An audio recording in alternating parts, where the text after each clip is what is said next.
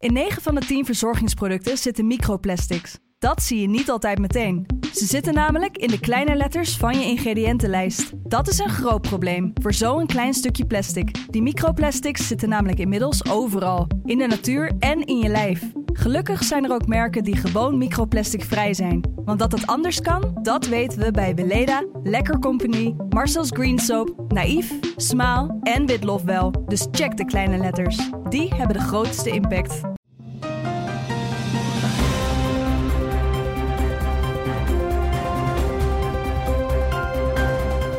Dit is de Telegraaf podcast. Het land van Wiert Duk. Met Kamran Oela en Wiert Duk.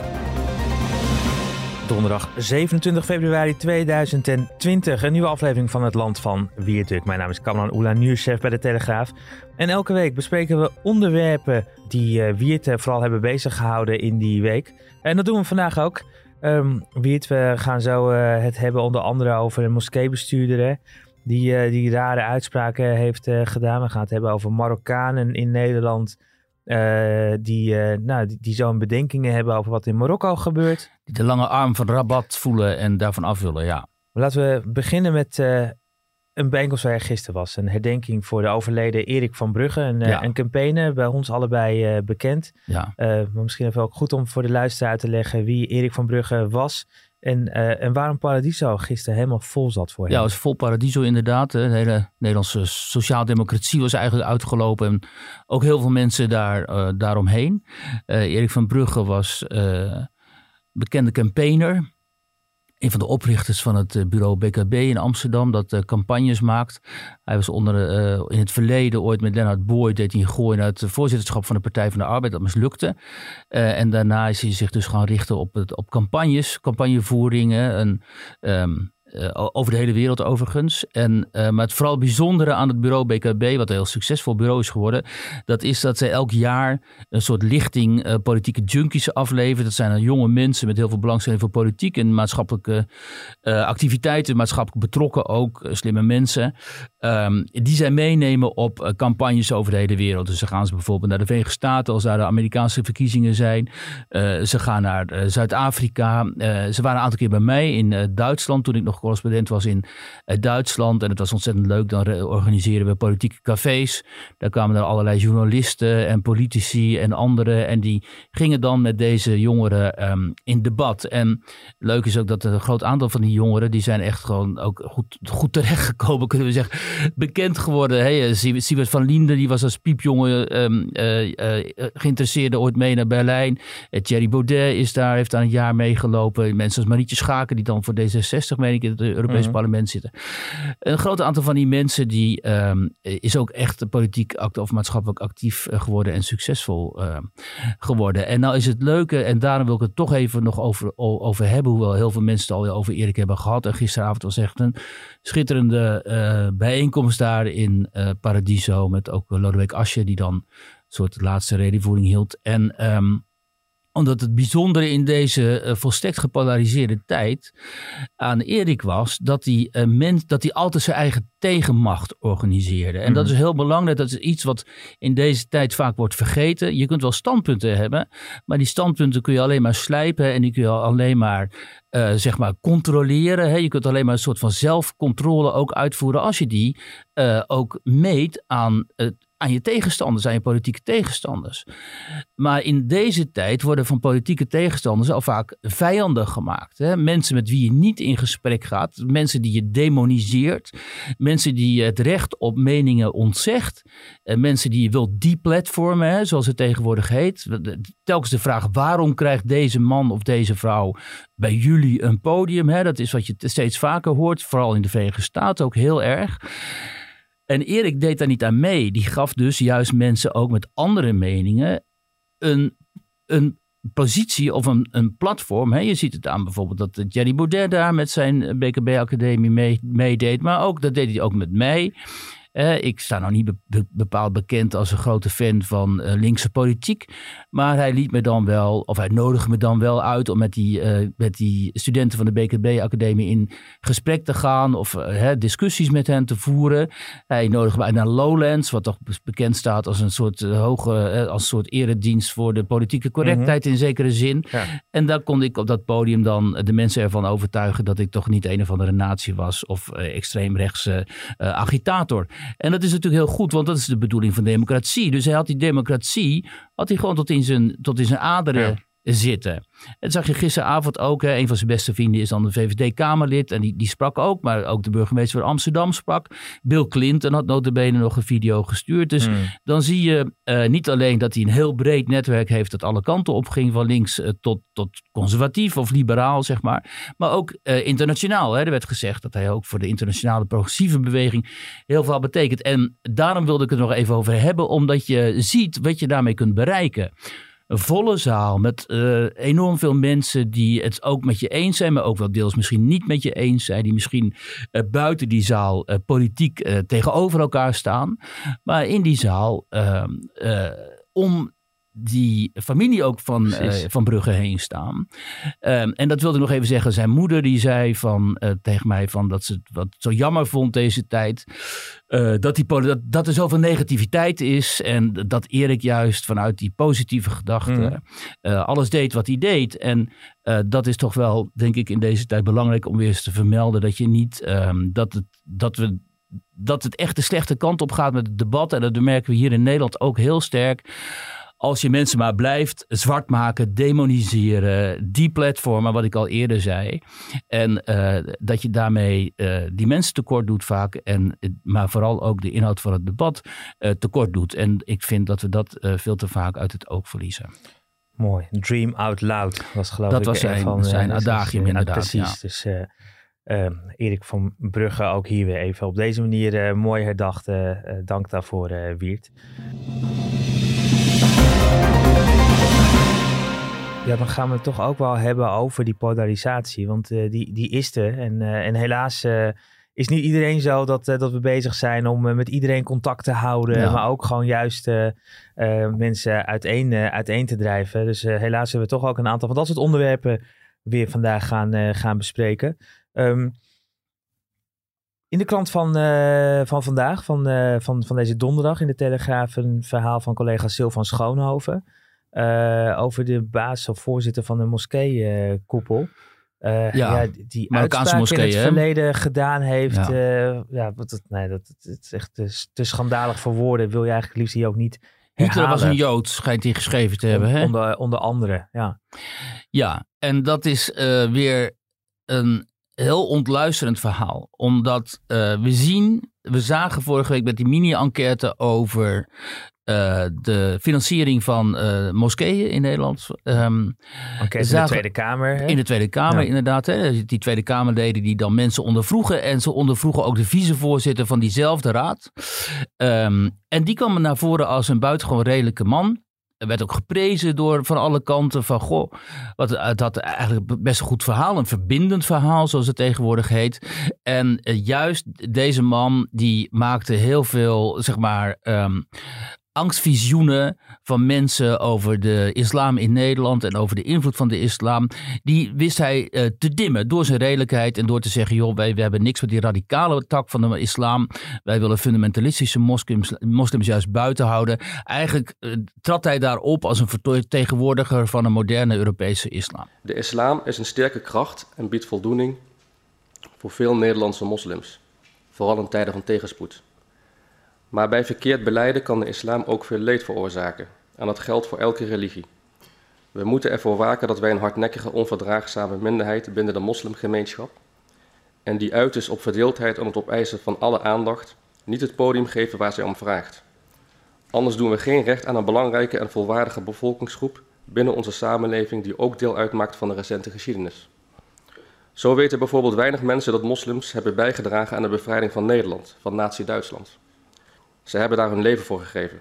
Ja, nou ja, bij het laatste dan hadden we natuurlijk al wel wat klepels eh, kunnen horen luiden. Want het is natuurlijk onzin. Dat, uh, uh, natuurlijk waren de moslim, moslims in de, in, in de strijdkrachten die Nederland hebben Marokko, bevrijd. Andere. Ja, maar dat hele verhaal over Marokkaanse moslims die Nederland, zuiden van Nederland zouden hebben bevrijd. Het is al lang gedebunked. En dat is ook helemaal niet nodig. Het is volstrekt onnodig om moslims op die manier, zeg maar, op het schild te hijsen. Of allerlei verhalen te ontwikkelen, te ontwikkelen waardoor men zou denken dat moslims Ehm, meer krediet zouden krijgen. Want het, is, het, is, het is gewoon niet, um, het is niet de manier waarop je die groep zou moeten benaderen. het is 75 jaar geleden gebeurd. Hè? Er is een groep geweest, dat, dat, dat weten we. Nou, dat is, dat, dat is mooi, maar, eh, eh, maar het gaat nu eigenlijk weer naar het heden toe. Juist. Uh, en dan zien we dus dat ook hele andere type uitspraken worden gedaan, onder andere dus in, in mails. Daar had je het over. Ja, want hier, kijk, dit is dus inderdaad voorbeeld van een manier waarop die koepel dan via hem naar voren trad als gewoon redelijk en gematigd. En, maar nu blijkt dus uit die mails die zijn uitgelekt, uh, dat daar, dat de, de, zijn, zijn baas eigenlijk er hele radicale en intolerante en discriminerende ideeën op nahoudt. Bijvoorbeeld over hè, Joden. Hij zegt notabene Hitler was een Jood. Ik bedoel, dat, hè, dat is natuurlijk een soort uit de definitie van een complottheorie, als je gaat, zou zeggen dat Hitler een Jood was. Uh, hij zegt, meen ik ook, nee dat weet ik zeker, hè, dat Palestina nooit Israëlisch uh, zal zijn. En meer van dat soort uitspraken. En vervolgens als dan gevraagd wordt van, joh, waar komt dit vandaan? Hoe kan dit? Wordt natuurlijk weer ontkend en wordt gezegd, ja nee, die, die, die mails, dat, is, dat bestaat helemaal niet. Of dat is, die zijn gefaked. En dan komen weer van andere moslims, komen dan de opmerkingen op Twitter en zo, dat ze helemaal niet gefaked zijn. Dat is gewoon authentieke documenten documenten zijn, waar we ook van uitgaan. Nou ja, dit is natuurlijk vreselijk schadelijk, omdat ja. uh, daaruit zou kunnen blijken, uh, de gevolgtrekking zou moeten zijn van, uh, we spreken hier met gespleten tong. Hè, kennelijk zeg je het één tegen de, die Kamerleden. een soort sociaal wenselijk gedrag vertoon je dan. Terwijl binnen kamers er dit soort teksten over tafel gaan. Um, precies de teksten waarvoor heel veel mensen dus vrezen. En ook precies de teksten die aansluiten bij wat die andere meneer vorige week in die commissie allemaal vertelde. Dat was die meneer van Alfritra uit Utrecht, die de commissie vooral uh, schoffeerde. En zei: uh, Jullie bepalen niet uh, hoe lang ik antwoord, dat bepaal ik zelf wel. Ja. nog meer van dat soort teksten, waaruit bleek dat hij gewoon geen enkel respect had voor de leden van die commissie. En dan komen we op het punt waar we over begonnen. Kijk, um, de, vooral die meneer van die Alfitra-moskee, die maakte duidelijk: jullie wetgeving en jullie democratische bestel, dat lap ik eigenlijk aan mijn laars. Weliswaar woon ik in Nederland en maak ik gebruik van jullie faciliteiten en van jullie samenleving. Maar ik respecteer alleen de sharia. En binnen de sharia zijn jullie ongelovigen en hoef ik jullie helemaal niet te respecteren. Dat was eigenlijk wat we konden lezen uit zijn, uit zijn woorden. En als je, als je in deze gepolariseerde tijden de democratie wil redden en de democratische rechtsstaat wil redden, dan moet je ervoor zorgen dat je met elkaar in ieder geval consensus hebt over uh, dat wij die democratische rechtsstaat met z'n allen accepteren, willen verdedigen en daar een rol in willen spelen. Mhm. En je kunt je niet jezelf buiten die democratische rechtsstaat plaatsen en dan van jouw politieke tegenstanders verwachten dat ze met jou een zinvol debat gaan voeren. Als jij de vernietiger wilt zijn uiteindelijk van die rechtsstaat, dat kan niet. Hè? Daarom is het altijd zaak om zowel nazi's, uh, nationaal socialisten te weren uit het debat. Die moet je natuurlijk wel deplatformen, zoals het heet. Mhm. uh, als extremistische moslims die uit zijn op de vernietiging van de staat. Je kunt wel met ze in gesprek gaan. Je kunt wel met je kunt hen ook interviewen, kritisch en zo. Maar het moet niet zo zijn dat zij voor jou gaan bepalen wat de grenzen van het debat zijn of. Um, uh, uh, zij, je moet hen ook niet laten bepalen wat zeg maar, de procedure is in zo'n onderzoek, wat zo'n kamer, zo'n kamercommissie dan, waar zo'n kamercommissie dan mee bezig is. Ehm, en, en de vraag is nu, hoeveel van die mensen zijn er eigenlijk. En, uh, en, en de zorg is dat het er heel veel zijn. Dat in die moskeeën dit soort intolerant gedachtegoed wordt gepredikt. Uh, dat heel veel mensen dat intolerante gedachtegoed ook uh, aanhangen. En dat wij moeten zijn voorbereid op meer van, van dit. en dat die democratische rechtsstaat dus zich eindelijk eens een keer heel erg weerbaar moet gaan tonen. Juist alles wat in het verleden niet is gebeurd. Hè, want we hebben deze groep in het verleden ofwel gepamperd of genegeerd. Of hebben gedacht, ach ze zijn niet zo groot en ze zijn niet belangrijk. Nu blijkt dat ze wel degelijk groot zijn. Dat ze in die moskeeën zitten. Ehm, dat ze zich ook eh, uiten. Hè? En dat een deel van deze mensen, jongeren, is gewoon uitgereisd naar de islamitische staat bijvoorbeeld. Eh, we hebben nog steeds, wat ik al eerder heb gezegd hier, geen begin van de manier waarop we met hen zouden moeten omgaan. En uh, uit, deze, uit dit stuk van Silvan vandaag en uit die mails, uh, wat daaruit naar boven, naar boven is gekomen of naar voren is gekomen, blijkt dat we achterlopen. Dat die democratische rechtsstaat moet zorgen dat die veel weerbaarder wordt, omdat we anders uh, ofwel worden overlopen door dit, mhm. of dat anders dit soort gedachtegoed gaat woekeren binnen onze samenleving. En dat is iets waar je tegen te verzetten hebt. Het komt nu wel weer naar boven. Uh, dankzij ook het speurwerk uh, van, van Silvan. Die heeft zich echt in, in vast genesteld. Ja. Ehm, maar, maar, maar, het is natuurlijk ook eigenlijk bizar hè, dat dit soort gedachtegoed er is. Ja, dat, dat vermoeden we wel. Maar dat het gewoon zo letterlijk zwart op wit staat. ja, dat, ik bedoel, dat is toch iedere keer weer schrikken dat je dat, als, je dat, eh, als je dat ziet. Ja, nou ja, kijk, we leven in een, in een land waarin een, nog maar een aantal jaren geleden een uh, vooraanstaand lid van de moslimbroederschap, namelijk uh, Tariq Ramadan, werd ingehaald in Amsterdam als adviseur van de, van, uh, de gemeente. En hij had binnen moslimkringen in Rotterdam ook grote aanhang.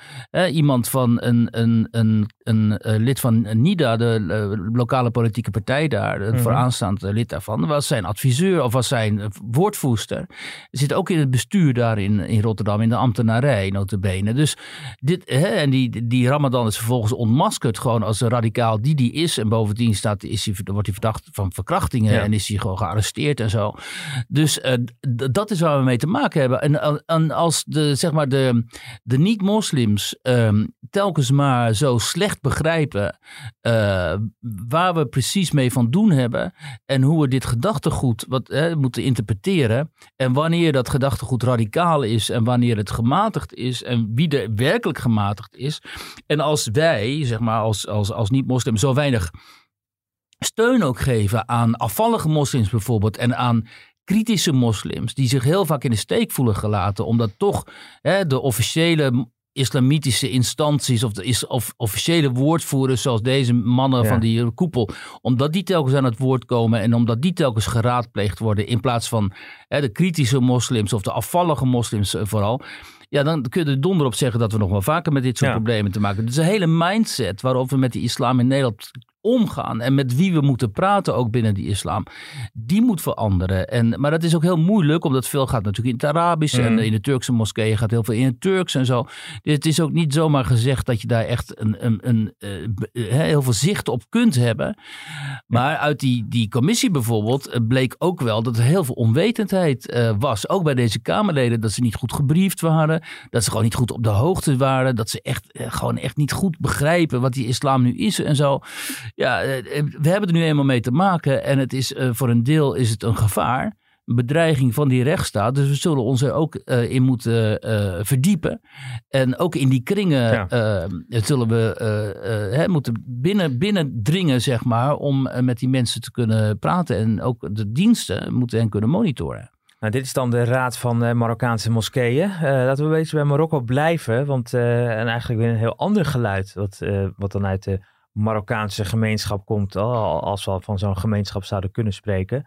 Uh, staat vandaag op jouw uh, wekelijkse uh, rubriek, in de wekelijkse rubriek van de Telegraaf moet ik eigenlijk zeggen, in Nederland. het staat vandaag ook uitgebreid weer op onze site, want daar een paar mannen, seculier, links georiënteerd, ja. maar die waarschuwen voor de lange arm van Rabat. Ja, dat is natuurlijk al een uh, oud probleem, hè? die lange arm van uh, Rabat, dus van de Marokkaanse koning. Daar komt het eigenlijk op neer. Deze week was er een, of is er nog steeds, geloof ik, geloof dat ze vandaag terugkomen, mhm. een uh, kamerdelegatie in Marokko van handel en ontwikkelingssamenwerking. En uh, dat leek mij wel goed, een goede aanleiding om eens een paar kritische Marokkanen in Nederland aan het woord te laten over de invloed van uh, de Marokkaanse overheid in de Marokkaanse gemeenschap. Dat is natuurlijk een beetje een oud verhaal, omdat uh, dat is wel bekend dat Rabat vasthoudt aan beïnvloeding van die diaspora in het buitenland. Hè. Niet alleen in Nederland natuurlijk, maar vooral ook in Frankrijk en België en zo. Onder andere door Marokkanen het recht te ontzeggen om, om afstand te nemen van hun Marokkaanse nationaliteit. Als je als Marokkaan Wordt geboren, dan blijf je Marokkaan voor de rest van je leven. En dan kun je geen. Je hebt, je hebt dan dus altijd die dubbele nationaliteit. Nu is er wel een mogelijkheid binnen de Marokkaanse wet om daar afstand van te doen. Maar dan moet de koning hemzelf, die moet dan een soort van uh, toestemming geven, formeel. En uh, dat is nog een heel uh, gedoe. Nou, die mensen die ik gesproken heb, uh, Ali Larouchi en um, Aziz Aynan, die willen eigenlijk ook af van het Marokkaanse paspoort. de een omdat hij ooit gevlucht is. Nou ja, om dezelfde redenen. Ze willen gewoon Nederlander zijn. En ze willen met Marokko, althans met die Marokkaanse overheid en met de Marokkaanse koning, die zijn dictator noemen, willen ze gewoon niks meer te maken hebben. En ook Aziz die zegt, ja, als ik daar in de rij sta bij de grens met Marokko, dan kan het maar zo zijn dat ik uit de rij wordt gepikt vanwege kritische opmerkingen in Nederland. En dan kan ik als, als Marokkaans burger daar uh, worden berecht. En dat risico wil ik helemaal niet uh, lopen. Dit is mijn Marokkaans paspoort. Dus ik zal alles vandaag sturen om afstand te nemen met de Marokkaanse nationaliteit. Als we naar Marokko gingen, waren we allemaal bang wat, wat zou er gebeuren bij de grens. Het is een dictatuur, hè? En een dictatuur uh, dan is altijd de politie en het leger de baas. Dus ja, als jij mij dan vraagt, hè, of iemand anders mij vraagt, ben je Marokkaan? Absoluut niet. Ik wil geen papieren hebben. Ik wil niet in het register staan van een land die dat die mensen aandoet. Eh, kijk, ze zijn seculier, ze zijn ook politiek links. Uh, en ze zijn dus heel kritisch op dat, op dat bewind daar van die Marokkaanse koning. Ze zijn ook kritisch eh, op de islam. In die zin eh, vertegenwoordigen zij een geluid dat eigenlijk met de eerste generatie gastarbeiders, de mannen, de jonge mannen die destijds naar Nederland kwamen, eigenlijk vrij normaal was. Hè? Dat waren jonge mannen uit Marokko. Meest, de islam was voor hen meestal een soort van cultuurdingetje, niet zo belangrijk. Die kwamen hier werken, die vermaakten zich ook wel. Die gingen uit met Nederlandse meiden ook. Die dronken ook wel. Dus dat, dat die hele islam speelde destijds nog helemaal niet zo'n uh, belangrijke rol. Onder hen had je ook wel heel veel Berbers trouwens. Uh, Ali en Aziz zijn ook Berbers. Die uh, vluchten. Die waren gevlucht destijds voor het regime. Dat zij beschouwen als een gearabiseerd regime. Um, dat, dat vooral de, de, de, de rechten van de Berbers in het noorden, waar de meeste Marokkaanse Nederlanders vandaan komen. Um, met voeten trad. Dat is ook een interessant uh, historisch uh, verhaal natuurlijk in Marokko. Het zijn eigenlijk allemaal Berbers. Hè. 99% of zo is gewoon Berber. Dus niet Arabier. Maar een deel van die stedelijke elite is gearabiseerd, heeft zich dan hè, dat Arabisch ook eigen gemaakt. Uh, en is in conflict, zeg maar, met die meer rurale bergers daar in, het, in, die, in dat Rifgebergte, hè, die zichzelf Rifijnen noemen ook. Uh, en ook, uh, die, zichzelf, die, ze ook, die ook vinden dat hun taal, hè, dat, dat Amazigh, dat dat, dat, dat wordt gediscrimineerd en zo. Dus er ligt ook heel groot cultureel conflict. Uh, voor mij als oud uh, Rusland-correspondent is het heel interessant, omdat je bij de Berbers eigenlijk hetzelfde ziet als de bergvolkeren in de Caucasus, ja. waarvan de Tsjetsjenen de meest prominente vertegenwoordiger zijn. Maar die bergvolkeren in de Caucasus hebben ook een hele, hele sterke onafhankelijkheidsdrang, uh, leven in tribale structuren meest, hè, familie, clan. Um, willen zich eigenlijk onttrekken aan, het gezag van Moskou. Um, de elites van die bergvolkeren, die is al gerussificeerd. Hè? Dat zie je in Tsjetsjenië ook. Die spreken dan Russisch en die, die vereenzelvigen zich met de Russische staat. Maar daaronder zit een enorm sterke eh, separatistische drang. En spreken mensen gewoon ook de eigen taal. En dat herken ik heel sterk bij die, bij de, bij die Berbers ook. Ook dat, on, dat, dat enorme, eh, dat individualistische eigenlijk ook wel in zekere zin. Weliswaar deel zijn van de, van de eigen gemeenschap en de een eigen familie in de klem, maar ook heel erg um, zich van niemand iets verder iets aantrekken of zo. Tsjetsjenen hebben dat ook heel sterk. Die trekken zich helemaal niks aan van, van gezag en van de wet. Ze maken zelf de wet wel of zo. En uh, ik, misschien de volkeren die enigszins, maar goed, dat is een hypothese van mij, die enigszins geïsoleerd wonen, die. Um, die, die ver van de centrale macht wonen, die ontwikkelen misschien altijd een beetje die mentaliteit. Uh, en zijn opstandig ook. Hè? Dat zie je aan uh, de, de, de, de Rifijnen. Die zijn vaak in opstand gekomen. Hebben ook een traditie van zelfstandigheid zelfs. Dus ook hele, in de vorige eeuw, in de jaren twintig, hele gewelddadige oorlog is daar gevoerd. Die ook dat wantrouwen ten opzichte van Rabat heeft gevoed. En wat zij nu zeggen, nou, heel lang verhaal, maar ja, ik ben historicus, dus dat, doe ik dan graag. Maar wat deze twee mannen zeggen is, wij worden tot in Nederland eigenlijk door het regime lastig gevallen. Hè? Ali die wordt dan, krijgt de telefoontjes, hij wordt bedreigd. Uh, dus nog hier in Nederland worden zij niet met rust gelaten. En wat ze eigenlijk willen van de Nederlandse overheid maar door wie worden ze dan bedreigd? Is dat duidelijk ook? Ja, dat zijn dan uh, anonieme telefoontjes en, en zo. En, uh, en ze vermoeden dan dat dat natuurlijk contacten zijn van de Amerikaanse geheime dienst. Um, die, hè, die wil laten voelen dat ze nog altijd invloed kunnen ja. uitoefenen. En wat ze ook zeggen, dat zegt Aziz dan, van het is toch eigenlijk heel raar dat je daar te maken hebt met een dictatuur. En er gaan allemaal van die bekende Marokkanen, hè, Ali B, rapper Boef. Um, Najib Amali en zo, die gaan daar dan, die zie je dan regelmatig op uh, social media uh, feesten in uh, Marokko. Hè? Die hebben gewoon goede contacten daar. Zijn er ook het zijn daar veel. En zij zeggen, ja, hoe kun je dat nou precies uh, rijmen dan? Hè? Als je in Nederland optreedt, uh, zoals Ali B, toch wel als iemand die uh, een beetje politiek correcte gedachtegoed vertegenwoordigt bij de Wereld Draait Door en zo. Mm -hmm. En vervolgens ga je daar in dat land, wat een dictatuur is, waar de mensenrechten wordt geschonden, want er wordt gewoon gemarteld in die gevangenis en zo ga daar een beetje feesten. Dat is uh, een beetje hetzelfde als wanneer Russen in Nederland naar Rusland zouden gaan en zich door Poetin zouden laten uh, verteren. Dat zou ook nog dan zijn. En wat hij ook zegt is, hij vindt het zo jammer dat bijvoorbeeld in de Turkse gemeenschap er heel veel Nederlandse Turk, Turken zijn, steeds meer Nederlandse Turken, die een rol spelen in het debat, die zich uitspreken over Turkije, over uh, Erdogan ook, over de, de staat van de Turkse democratie. Een aantal seculiere Turken ook. Seculiere hè? Turken die ook islamkritisch zijn. Ja. Nou, noem maar een paar. Zini Özdil, nou, Zini, um, uh, uh, hoe heet het, Erdal Balci, nou ja, Fidan ja. Ekers natuurlijk, maar ook Ebru Umar, al die, hè, die heeft er nog benen vastgezeten ja. ooit. Dus noem maar op. Is Jan Akjol in zekere zin ook, hoewel die altijd wel oppast dat hij niet te kritisch wordt natuurlijk. Maar... Um, maar dus, er zijn een aantal Turkse opinie, Turks-Nederlandse opinieleiders die heel kritisch zijn op hun eigen achtergrond en op de islam. Maar is Turkije en, daar ook niet op een andere manier ontwikkeld al dan, dan Marokko? Uh, Turkije is ook geen islamitische staat. Uh, nou ja, zo, Erdogan die ziet zichzelf natuurlijk ja, graag als een wel. nieuwe kalif. Ja. Nee, nou, daar heb je gelijk in. Kijk, in, in Turkije kun je natuurlijk altijd nostalgisch terugkijken op, uh, op die seculiere staat van onder die, Atatürk. Die rijke geschiedenis. Precies, ja. en op die rijke geschiedenis. En en Turkije heeft inderdaad een geschiedenis waarin de scheiding tussen kerk en staat en het seculiere uh, werd verdedigd. Um, en, en, daar kunnen ze aan refereren. En dat kunnen Marokkanen natuurlijk niet. Marokko is nog een jonge staat. En je kunt, he, en je kunt niet aan, die, aan zo'n traditie uh, refereren. Maar dan nog, als je in Nederland bent opgegroeid als uh, Marokkaanse opiniemaker. Uh, en je staat hier in een belangstelling en je mag bij De Wereld Draait Door en Jinek en zo aanschuiven. Mm. Dan mag je, vind ik, en daar geef ik hen gelijk in ook wel eens refereren aan de aard van dit regime. En aan het feit dat er dus uh, mensen in de gevangenis zitten om hun mening. Hè, uh, politici, journalisten, activisten. Uh, en die dan tot bijvoorbeeld 20 jaar cel worden ja. veroordeeld. Hè. Dan zou het je sieren als je dat ook eens aan de orde zou stellen. In plaats van in Casablanca feesten vieren. Ja, nou, helder. En uitgebreid vandaag dus uh, op de pagina in Nederland in de Telegraaf. En natuurlijk ook te zien en te lezen op onze website en in de apps.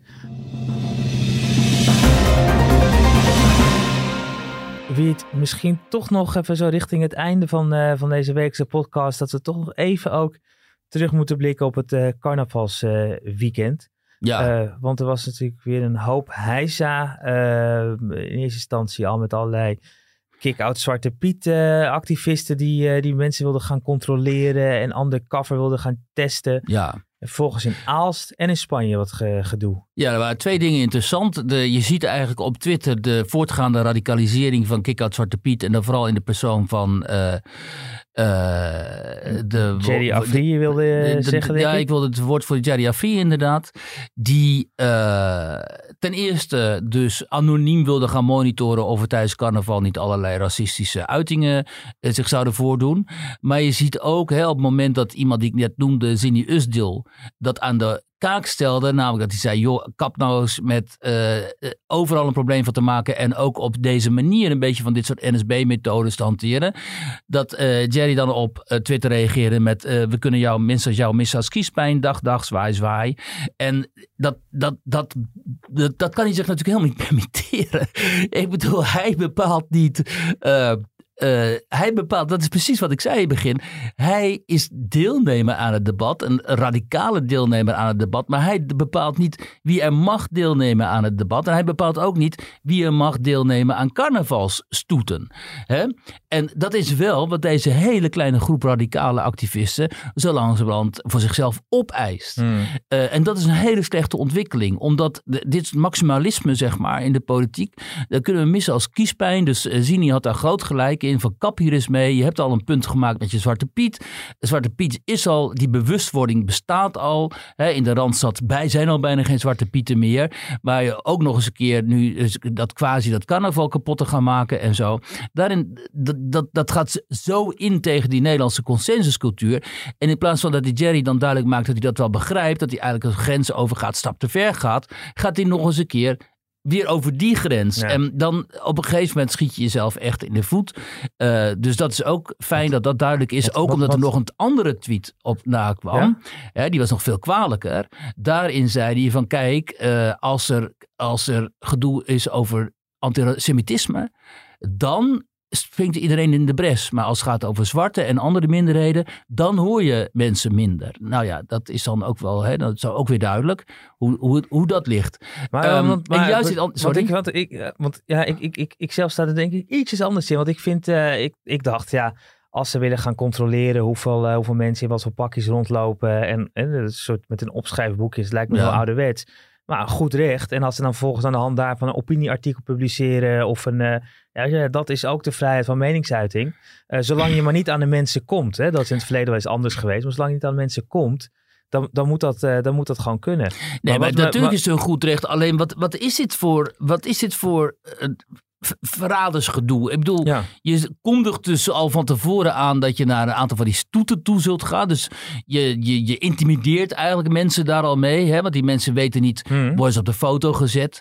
Komen ze online te staan? Nee, zeker. Uh, dus, waar dus, ligt voor deze kick-out Zwarte Pieters de grens? Nou, die grens die ligt, uh, die ligt niet zo ver, hè? zoals we weten. Dat is, dat is precies wat ik bedoel. Dus hè, zolang je niet aan mensen komt en aan hun, uh, aan hun rechten komt uh, maar, nee, maar wanneer schendt je rechten als je hun foto online zet? dat, ja, misschien wel, ja. ja, nou ja, ja, ja, Dus ik vind dat heel intimiderend. Ik vind het heel intimiderend als een radicale actiegroep zegt... we gaan jullie monitoren en wat ons niet bevalt... dat gaan we gewoon online zetten, Maar zeker, dus, want eh, die, die laatste tweet waar je het over, uh, over hebt... Hè, dat, dat, dat inderdaad uh, volkomen verbaasd ook daarover. Want dat is een beetje de argumentatie die, die hij zeven, acht jaar geleden had... wat al daar kon je al twijfels bij zetten, maar die mening kan, eh, die mening kan je hebben. Maar eigenlijk zegt hij gewoon, uh, we hebben afgelopen jaren nul aandacht gehad voor, voor hele Zwarte Piet discussie. Dat is eigenlijk wat, dat is natuurlijk ook krankzinnig. Wat hij eigenlijk zei is, uh, als het over Joden gaat is er heel veel aandacht. Hè? En als het over ons gaat is er geen aandacht. Terwijl, hallo, hoeveel aandacht kun je krijgen? Ik bedoel, wat je zegt, zo'n kleine groep heeft zo krankzinnig veel aandacht gehad. Zelfs het taalgebruik hè, is veranderd in de media. Hè? De NOS en andere media die hanteren nu officieel uh, de term wit in plaats van blank. Dat is ook onder invloed van deze mensen, van ja. deze groep zo geworden. Precies. Uh, dus ze hebben juist enorm veel aandacht en enorm exact. veel succes. Dus wat zit je nou nog het slachtoffer uit te, uit te hangen? Um, en vervolgens, hè, dan kom je op het tweede punt, is het niet meer dan terecht dat als er de overduidelijk antisemitische uitingen in die carnavalsoptochten worden meegedragen, dat daar kritiek op komt. Um, en het interessante is, hè, dat gebeurde in Aalst in België en ook een stoet in Frankrijk, in België uh, zag je dus, of Vlaanderen zag je dus uh, karikaturen van Joden, hè, van, van orthodoxe Joden. die, nou ja, alle clichés, die, de, die zijn geldgierig en, en noem maar op en zo. En in, in Spanje was het echt volstrekt idiote beelden van mensen in nazi-uniformen. En in concentratiekamp-uniform. Ja, echt, dat je denkt, hoe is het in godsnaam mogelijk? En dat wordt dan allemaal verdedigd onder het mom van... ja, maar met carnaval kun je met iedereen spotten. Hè? We spotten met de, met de macht en met alle minderheden, met alle groepen. Eh, in Aalst we spotten met het christendom, met islam en ook met het jodendom. Eh, maar goed, dan kun je zeggen, oké, maar dan is, het alleen, dan is het smakeloos. En hoe smakeloos hoe smakeloos wil je zijn? Hè? Het kan me- Ik kan me wel voorstellen dat het carnaval enigszins eh, smakeloos is. Maar ja, dit gaat natuurlijk over alle, over alle grenzen. Ehm, en dit zouden mensen niet dat je moet verbieden of zo. Maar die mensen, je kunt je, wat jij zegt, je, je kunt je toch wel afvragen wat, wat bezielt die mensen. Joh? Dat je dus inderdaad dat soort, ehm, dat soort praalwagens gaat maken. Die eruit zien als, als de ovens van een concentratiekamp. Of althans, ik zag die torens van de gas, van de, van de ovens erop staan en zo. Nou ja, echt, daar zijn geen woorden voor gewoon. Het is echt, echt, echt te bizar voor, eh, voor woorden. En, eh, maar geloof dat de Spaanse eh, overheid inmiddels daar ook al naar heeft gekeken. En, en dat dit de laatste keer is dat het op deze manier kan. In dan Nederland zou dat volgens mij niet eens kunnen, toch? Je, je mag toch niet Dat een mag- nazi pakken? dat, is toch, eh, je- dat, is, dat is toch ook echt strafbaar? Dat, kan helemaal niet. Nee. Je kunt ook niet. Hè, het- volgens mij is het inderdaad strafbaar. eh nazi-uitingen. Eh, ik zag ook al Catalanen. Dat was wel weer grappig. Van die Catalanen op Twitter die dan zeggen: Kijk, hier willen wij dus geen deel meer van uitmaken. Dus steun ons in godsnaam in ons onafhankelijkheidsstreven. Want van dit soort achterlijke uitingen willen wij verschoond blijven. Wat dan ook alweer. ehm dat vond ik eigenlijk best wel terecht ook. En ondertussen, Ja. als we het toch over carnaval hebben, eh, zien we ook dat carnaval ook een eh, corona-verspreider eh, blijkt te zijn. Ben, jij ja. nog, ben jij nog angstig? Nou, ik maak me over corona wel veel zorgen, ja. Want het is echt nu al een pandemie. Ja. Eh, terwijl er telkens werd gezegd van nou, dat zal wel meevallen Mhm. en zo. En vanaf het begin waren we toch wel vrij sceptisch daarover. En nu zeggen ze in Duitsland al van ja, het is gewoon onontkoombaar. Het is nu al een eh, pandemie. En ehm, eh, ja, hier gaan mensen gewoon aan dood. Je kunt ook zeggen, ja, dat gaan, mensen gaan ook jaarlijks dood aan de griep. En eh, als het wat warmer wordt, dan zal het, dat zal het virus wel verdwijnen. Dus dat, daar moeten we dan maar op hopen. Mhm. Maar ik heb eh, bij dit coronavirus wel een eh, onheilspellend gevoel gehad vanaf het begin. Maar goed, misschien komt dat ook omdat het zo heersend is op social media en dat we, dat, dat ons ook beïnvloedt. Ja.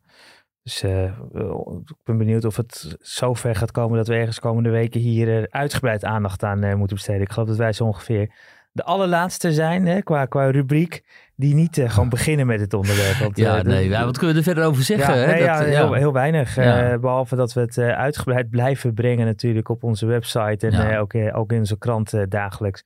Ehm, en zeker nu met eh, de vakantiestromen die weer terugkomen.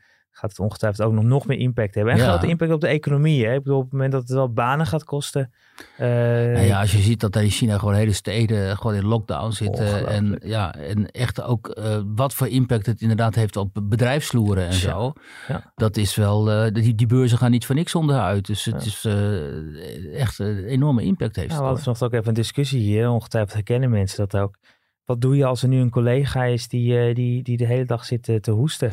Ja. Je, je gaat op een gegeven moment denk je toch, nou man, ga lekker naar huis. Dan normaal zou je denken, kom op even doorbijten Ja. en even, hey, wees geen watje. ja, En nu denk je van, eh, wegwezen. eh, eh, mannengriep is, is, is zeer welkom. ga Ja. lekker naar huis. Ja, dat ga je krijgen natuurlijk. Ja. Of mensen groeten met de elleboog hè, in plaats van met je hand. Ja. Ja. We hadden we net iedereen aangeleerd om de hand te schudden. Kan dat ook alweer niet. Nou ja, gisteravond in Paradiso, het was zo vol. Ik liep bij- op een gegeven moment bijna te tollen, zo, zo druk en in die hitte en zo dan en zo. Stel, daar loopt iemand rond die niet weet eh, dat hij dat coronavirus eh, bij zich draagt. Ja. En hè, er worden zoveel handen geschud, zoveel mensen gesproken. Dan, eh, ja, dat- dan sta je toch wel even bij stil hoe, hoe snel zich dat zou kunnen verspreiden. Ja, dat zou de sociaaldemocratie in Nederland in één keer eh, plat hebben gelegd. Ja. eh. Dat was zeker niet de bedoeling van, van Erik van Brugge. Nou, zo is hij wel ook helemaal mooi rond. We begonnen met, met Va- Van Brugge in Ja. Paradiso. Daar eindigen we ook weer mee. Wiert, dat was hem weer voor de, deze week. Ja. Volgende week dan zijn we er weer. Dan is het maart, maar wij zijn gewoon weer vertrouwd te Right. horen. Zo Tot is het. dag.